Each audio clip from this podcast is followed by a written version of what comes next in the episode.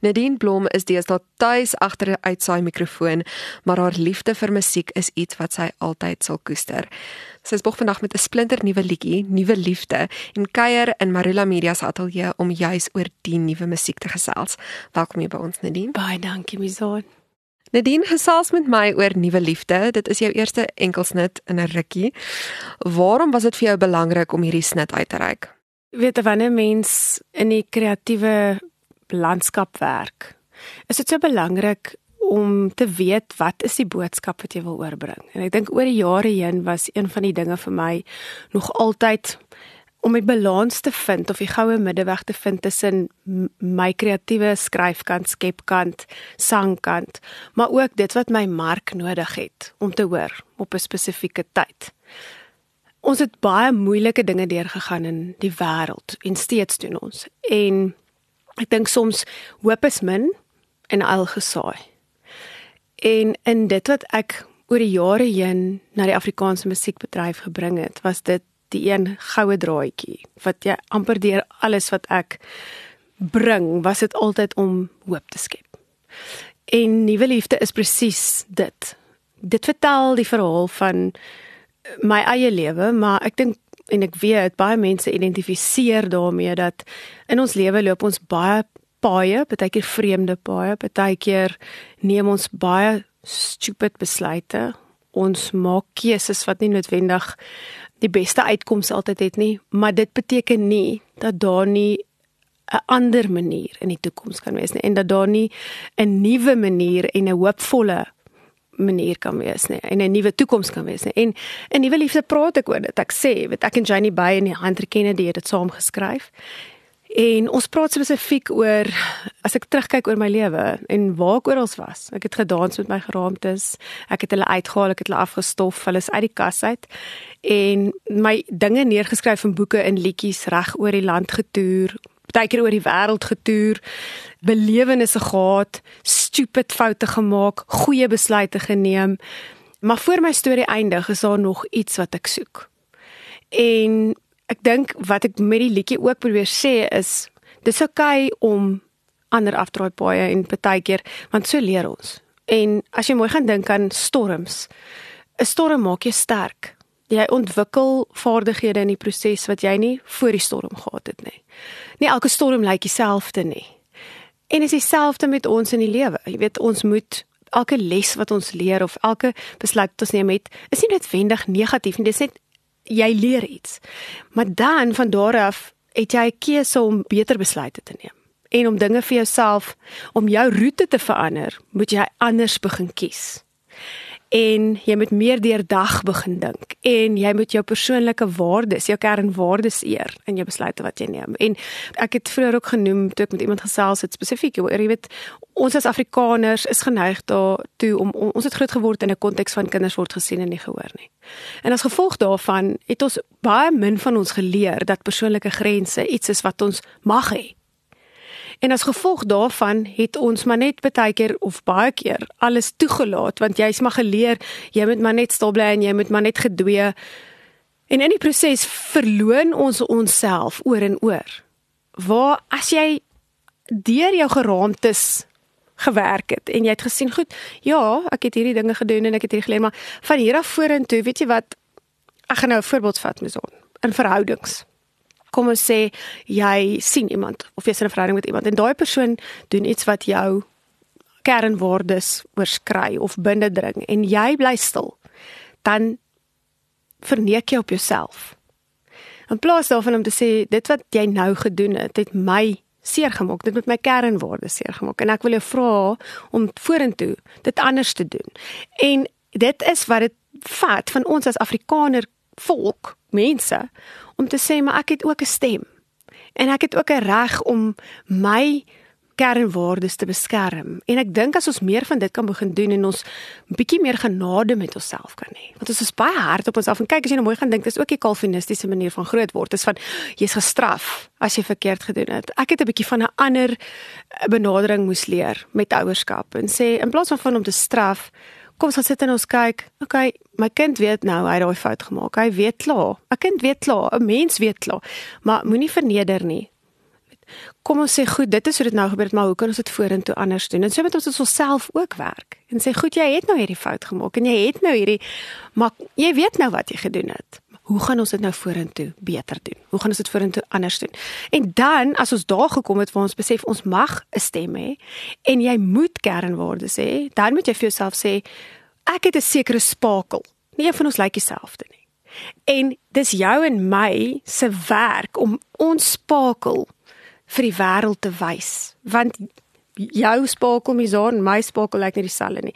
Maar die wêreld het ons elkeen se nodig. Ons is geskep deur die Skepper met ons eie spakel. En as ons heeltyd besig is met hierdie verkeerde besluite en hierdie chaos en hierdie kom ons nie uit by hoekom ons eintlik regtig hier is nie. En wat nuwe liefde sê is, ek's nou klaar. Hoopelik met die meeste van daai staf. En ek's nou besig om my spakel die wêreld in te stuur. En dis wat dit is. Jy het ook onlangs by Bok Radio as omroeper begin werk.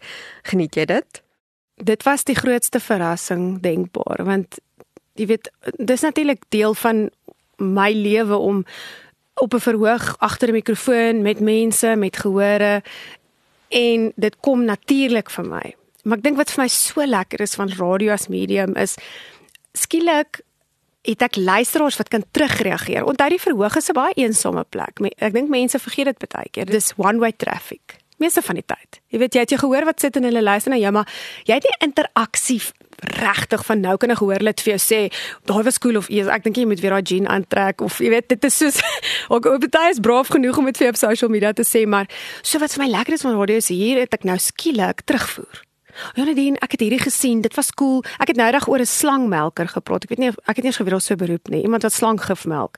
Ek het so 'n beroepsspeletjie wat ek doen. Dis my geheim en dan raai die mense. Jy weet en ek kry die kans om die goed wat vir my interessant is met mense te deel. Ek bedoel jy kan nie op 'n show staan op 'n Nadine Blom show en dan het jy 99 interessante feite oor die planeet se mees bedreigde spesies. Dis die tipe van goed wat ek van hom te lees in my vrye tyd. Nou kan ek daai goed deel die lesse wat ek geleer het, die goeters wat ek nog steeds leer. Jy weet as ek vanoggend opstaan en ek besef, weet jy wat, dit reën, maar daar's 'n reënboog. Of dit reën, maar die blomme het reën nodig om te groei. So ons moet ook reën hê om blomme te hê. So ek dink net die radio medium het soos 'n motiveringspraatjie geleentheid vir my geword, maar in klein stukkies. Elke dag 'n bietjie. En 'n mens moet ook versigtig wees dat jy nie jou gehoor te veel of jy luister ons met te veel bombardeer nie. So probeer maar daai balans tref tussen lekker baie musiek maar en dan hier en daar as ek ietsie sê dat dit kragtige boodskap is. Jy is veral bekend vir jou Christelike kindermusiek. Waar het daardie pad vir jou begin? 'n Hele paar jaar gelede, dit was in 2008, het ek begin om drome te kry oor kinders. So op daai stadium is dan moet jy nou weet, ek het eers regtig gaan swat, ek het toe ek musiek geswat en ek het ligte musiek geswat. So en ek het klassieke musiek gehad en ek het so ek het verskeidenheid maar ek het nooit met kinders gewerk nie en ek was eintlik bang vir kinders om eerlik te wees ek was bang. ek dink omdat mense weet hoe gaan hulle teenoor jou reageer jy weet so En toe ek soos Josef in die Bybel het ek begin drome kry. Waar ek sommer maar maar nie een of twee nie, regtig 'n reeks drome, iets soos 30. Ek het dit gejournal, ek het dit neergeskryf. Dan as ek sommer met kinders in treine, dan as ek sommer met kinders in vliegtye, dan as ek sommer met kinders in ruimtetuie, dan as ek sommer met kinders op bote, dan dit was verskriklik, dit was aanhoudend. En toe ek 'n vriendin van my gebel wat baie drome en sy sê vir my hoorie daar's 'n droomboek wat jy moet kry en ek kry toe die droomboek van Ira Milligan. En in die droomboek staan daar dis 'n teologiese droomboek en in die droomboek staan daar wanneer jy droom van 'n voertuig is dit 'n bediening. En wanneer jy van kinders droom is dit 'n kinderbediening. En dis ek soos hoe is dit moontlik? Ek bedoel ek is so bang vir kinders. Ek kan nie dink en toe begin die liedjies kom, een vir een, maar soos so vinnig. Jy weet soos bubblegum popcorn do do do do en ek skryf. Ek gaan sit vir die klavier en kom en dan kom ek Ek het so soos ek het nie 'n platemaatskappy gehad nie. Was nog altyd eintlik maar 'n uh, onafhanklike kunstenaar. So hier moet ek nou skielik 'n CD opneem. Daai tyd het ons nog CD's opgeneem en ek het regtig nie die befondsing nog voor nie en ek bid toe en ek sê Here, u weet, ek moet hierdie ding doen. Ek weet nie hoe nie, ek weet nie waar begin ek nie. Langs so rekord, iemand bespreek my om 'n motiveringstoespraak te doen. Sy nooi my vir ete na huis toe en haar man borg supercool se eerste CD. 'n DVD. Van daar af het dit net ontplof. Soveel so dat ek 10 jaar lank, ek bedoel in my lewe nie gedink ek gaan vir 10 jaar musiek maak vir kinders nie. En die mooi deel om is aan hoor nou hier. Dis nou 15 jaar later. Ek kry 'n boodskap nodig van 'n jong Olimpiese atleet af. 'n Jong Olimpiese atleet, hy's nou 18. Hy sê vir my ek het super cool begin luister toe ek so 6, 7, 8 jaar oud was. Hy sê, "Weet jy hoeveel keer het ek geoefen op jou liedjies?" Hy sê ek is nou Olimpiese atleet en ek wil net vir jou dankie sê want ek luister dit nog steeds. Toe sê hy, "Wanneer kom daar nuwe musiek?" Toe besef ek, daai generasie kinders wat ek groot gemaak het met waardes en goeie waardes is honger vir waardes en daai volgehoue waardes in hulle tienerjare. En ek het toe daaroor gaan sit en dink en ek het bietjie gebid en ek het bietjie en toe begin ek goed skuif. En, en ek het al maart nuwe liefde opgeneem en gevra wanneer is die tyd wanneer moet ek aangaan en ek het nie 'n ja gekry nie en toe Augustus toe kry ek 'n ja. En toe bel ek vir Gadon Kemp en ek sê vir hom goed, ons moet nou hierdie video maak. En van daar af het goed net geskuif. En die volgende liedjie is al klaar my gees en hy kom in Februarie. So dis nog altyd so in my lewe dat wanneer ek iets moet doen, kry ek die boodskap van bo af. En ek en dit is nooit vir my is die werk wat ek doen is nie vir fame nie.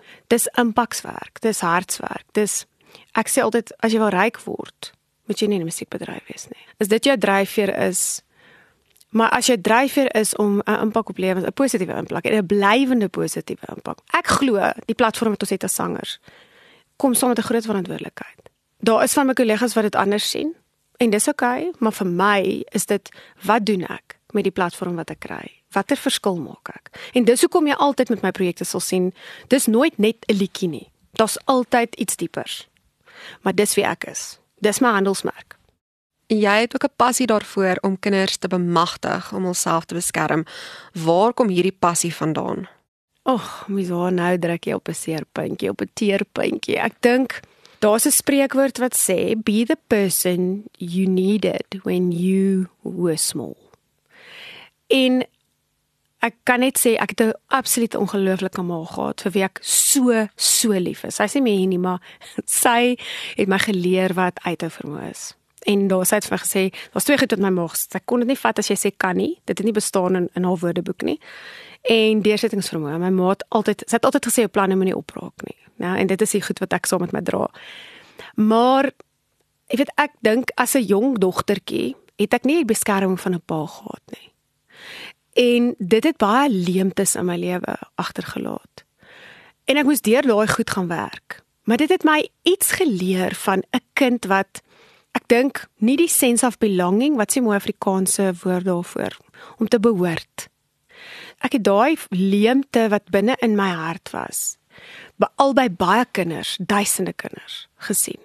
Want die lewe is besig, ouers werk, party ouers het drie werke. Ek is 'n enkel ma, het dieselfde pad gestap en my hoop is om vir kinders 'n tipe van 'n ek weet nie wat se regte woord nie, maar 'n beskermende hand te wees. Iemand na wie toe hulle kan kom, iemand wat hulle kan vertrou. Jy weet, dink gou-gou aan die geskiedenis. Dan dink ek gou aan die verloop. Hier doen ek super cool.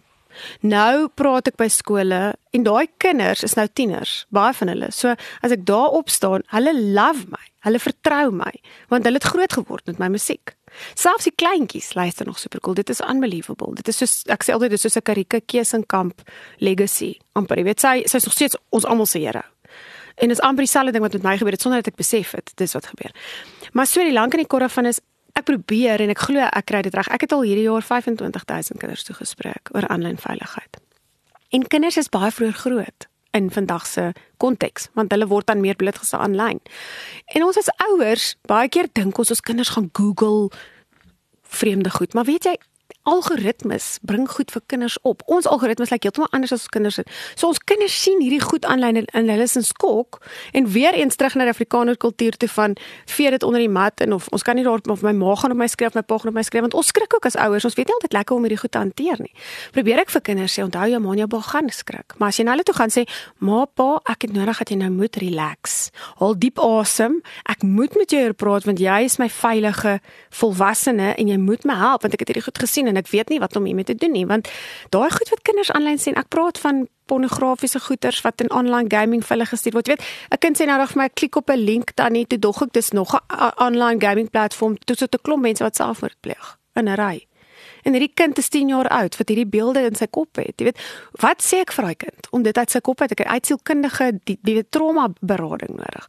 Ek sê altyd, jy weet, ons dink ons het ons kinders agter tralies en alarms in ons huise, sure, maar in hulle aanlyn wêreld, in hulle virtuele wêreld, sit ons nie slotte en grendels en veilige filters en daar gee ons predatore ongereguleerde toegang tot ons kinders.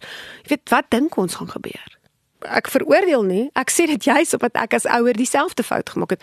Maar nou probeer ek vanuit die foute en die lesse wat ek moes leer in my arme seun ook, die goeders wat hy aan blootgestel is, probeer ek nou om 'n verskil te maak. Ek dink die probleem waarmee ons sit is ons is reaktief. En ons moet begin proaktief raak. Skole moet begin betrokke raak. Jy weet, ehm um, dis maklik om skouers op te trek as skole net te sê maar dis ouers se verantwoordelikheid. Ja, ek hoor jou, maar jy het ook 'n plig as skool om jou leerders toe te lig en hulle te beskerm. Ons het al vroeër gesels oor mensenhandel en die feit dat dit baie meer voorkom in Suid-Afrika as wat Jan Alleman besef.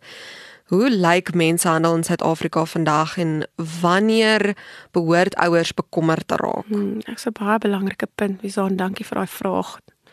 Dink die eerste ding wat ek daar wil sê is ons kan nooit na statistieke kyk nie want dit want uh dis dis 'n verskoon nou die anglisisme maar dit is dis 'n dis 'n klandestiene misdaad dit is 'n weggesteekte misdaad so ons kan nie gaan sê daar is 5 miljoen of daar is want daai mense is weg ons weet nie is hulle getraffic, is hulle verkoop, is hulle dood, is hulle Dis alleen wanneer iemand gevind is wat ons weet, okay, die persoon was getraffic of die persoon is wat ook al gebruik vir wat ook al.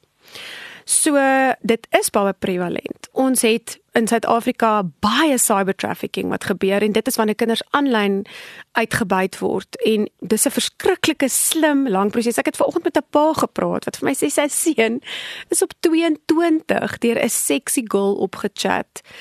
'n aanhalingstekens sexy girl. Dis dit weet 'n uitruil van naderhand van kaal fotos en die oomblik toe die in aanhalingstekens oulike girl nou die foto's het van van sy seun, toe verander hierdie persoon mos nou natuurlik in 'n misdadiger wat hom begin afpers met hierdie kolfoto's.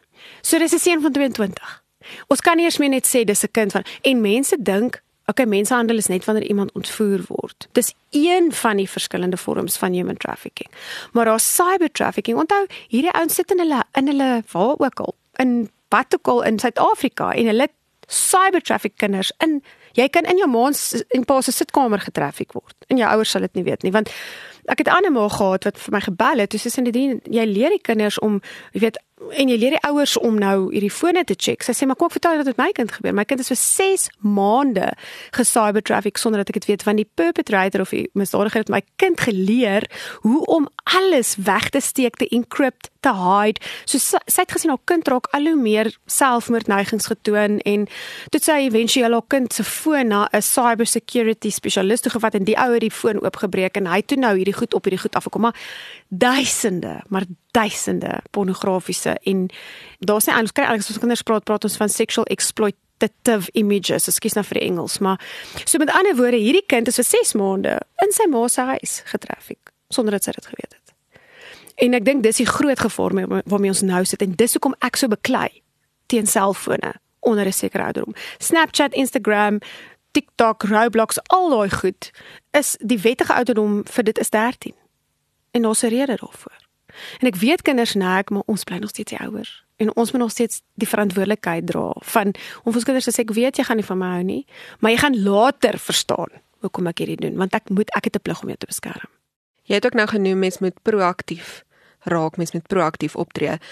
Hoe doen 'n mens dit? Dink die eerste stap wat ek sou neem as 'n ouer is om Google Safe Search op jou kind se toestel te laai. Met ander woorde, enigiets wat die kind dan Google is dan ehm um, jy weet moet deur daai filter gaan. So ek moet sê dit blok nogal baie uit. Daar's ook Google Family Link wat 'n toep is wat jy op jou foon en op jou kind se toestel of dit nou 'n tablet is of so 'n Ek wil regtig vir ouers dit op die hart druk om nie vir 'n kind 'n tablet in die hand te stop sonder dat jy by daai kind sit as die kind onder die ouderdom van van ten minste 10 of 11 is nie. En selfs dan, voordat ons se eerste toestel gee, moet daar deur die ouers sekere reëls en sekere of riglyne gestel word en sê luister, die mamma of pappa gaan nou hierdie toestel vir gee, maar hier's ons familie gesins tek reëls. In die eerste plek de de de de de onthou, daar's aanlyn mense wat baie slimmer is as ons. De, de, de, de. En dan as daar in die toekoms ietsie gebeur en ons voel daai toestel moet weggevat word, dan behou ons die reg voor om dit te doen. En al die partye teken, mamma teken, pappa teken, kinders teken. Dis die tech reels of riglyne van die huis. En almal weet wat is die riglyne? Want om eerlik te wees, weet ons kinders leef in hulle virtuele wêrelde. Misaan, ons het in parkies gespeel. Ons kinders speel vir in virtuele parkies. Ons het fietsry, hulle ry virtueel fiets. Hulle speel virtueel cricket. So, dis nie meer soos toe ons klein was. Dit help nie. My seun het eendag vir my so wording gesê en ek en hy is deur storms, ek kan dit vir jou sê. Maar het een ding vir my gesê wat my bygebly het. Ons sê, "Ma, jy kan my nie groot maak op dieselfde manier as wat jy groot gemaak is nie." Die konteks lyk like, ons kan trots wees, Misaan. Ons kan nou harde kwessies en sê, "Ag, my ouma het my so groot gemaak en my ma het my so sure. Maar kyk waar het dit ons. Kyk watter generatiewe disfunksie het dit vir ons gebring waar kinders nie met hulle ouers mee kan kommunikeer nie want ek sien dit elke dag van my lewe waar ouers waar kinders na my toe kom en sê tannie ek kan nie hierdie vir my ma of pa gaan vertel nie want hulle sal net vir my skree. Is dit wat ons wil wees vir ons kinders? Of wil ons 'n veilige plek wees waar hulle kan sê pappa mamma ek het hierdie gedoen ek het 'n nuut selfie gestuur. Ek weet nie hoe om hierdie nou te hanteer nie. En jou eerste woord wees my liefie dankie dat jy hier vir my kom sê, ons gaan dit uitsort. In plaas van is jy normaal, hoekom het jy hierdie dis ongelukkig ons groot gemaak is, maar ons moet dit ons moet drasties aan daai ouerskapstyl verander. Dis al hoe ons ons kinders gaan beskerm en terugwen. Ek sê altyd kinders bond of attach nou met hulle met hulle toestelle, Dis nie meer soos toe ons klein was wat ons kinders met ons of ons met ons ouers geband het nie. As 'n kind na jou toe kom en hulle kom wys vir iets, is dit nie meer 'n Tinkerbell Q-Tex of 'n karretjie of 'n gun of 'n dis 'n foon. So, hoe gaan jy met jou kind band? Deur haar of sy toestel. So was daarvan af nie. Ons moet weet wat in daai toestel aangaan en jou kind moet weet jy stel reg belang. So as jou kind weer by jou kom en sê mamma kyk gou pappa, moenie sê man ek het nie nou tyd nie. Jy gaan moet sê wys vir my. Dis 'n oomblik van potensiële kontak met jou kind. Jy het 'n baie interessante lewensverhaal van omroeper tot sanger en prokureur. Hoe behou jy 'n balans tussen al hierdie verskillende dele van jou lewe en loopbaan?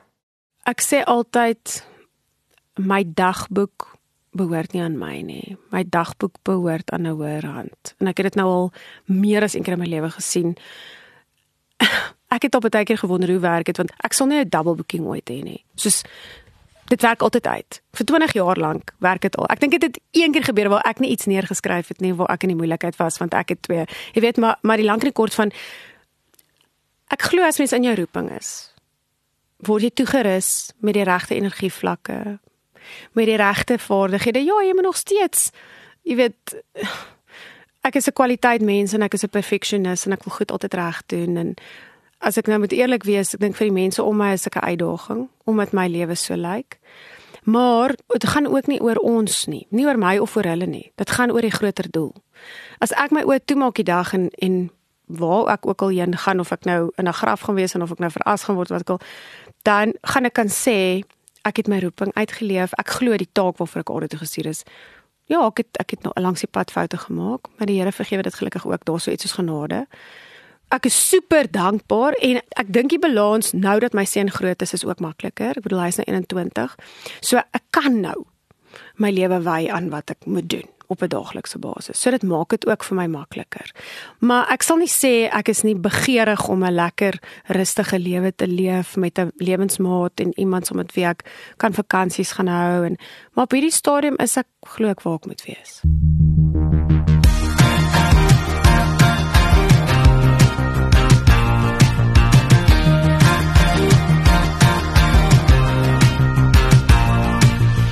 terugkyk oor my lewe en waar ek oral was. Gedans met my geraamtes, afgestof en uit die kas. Neergeskryf in elke boek, maar daar is iets wat ek nog soek.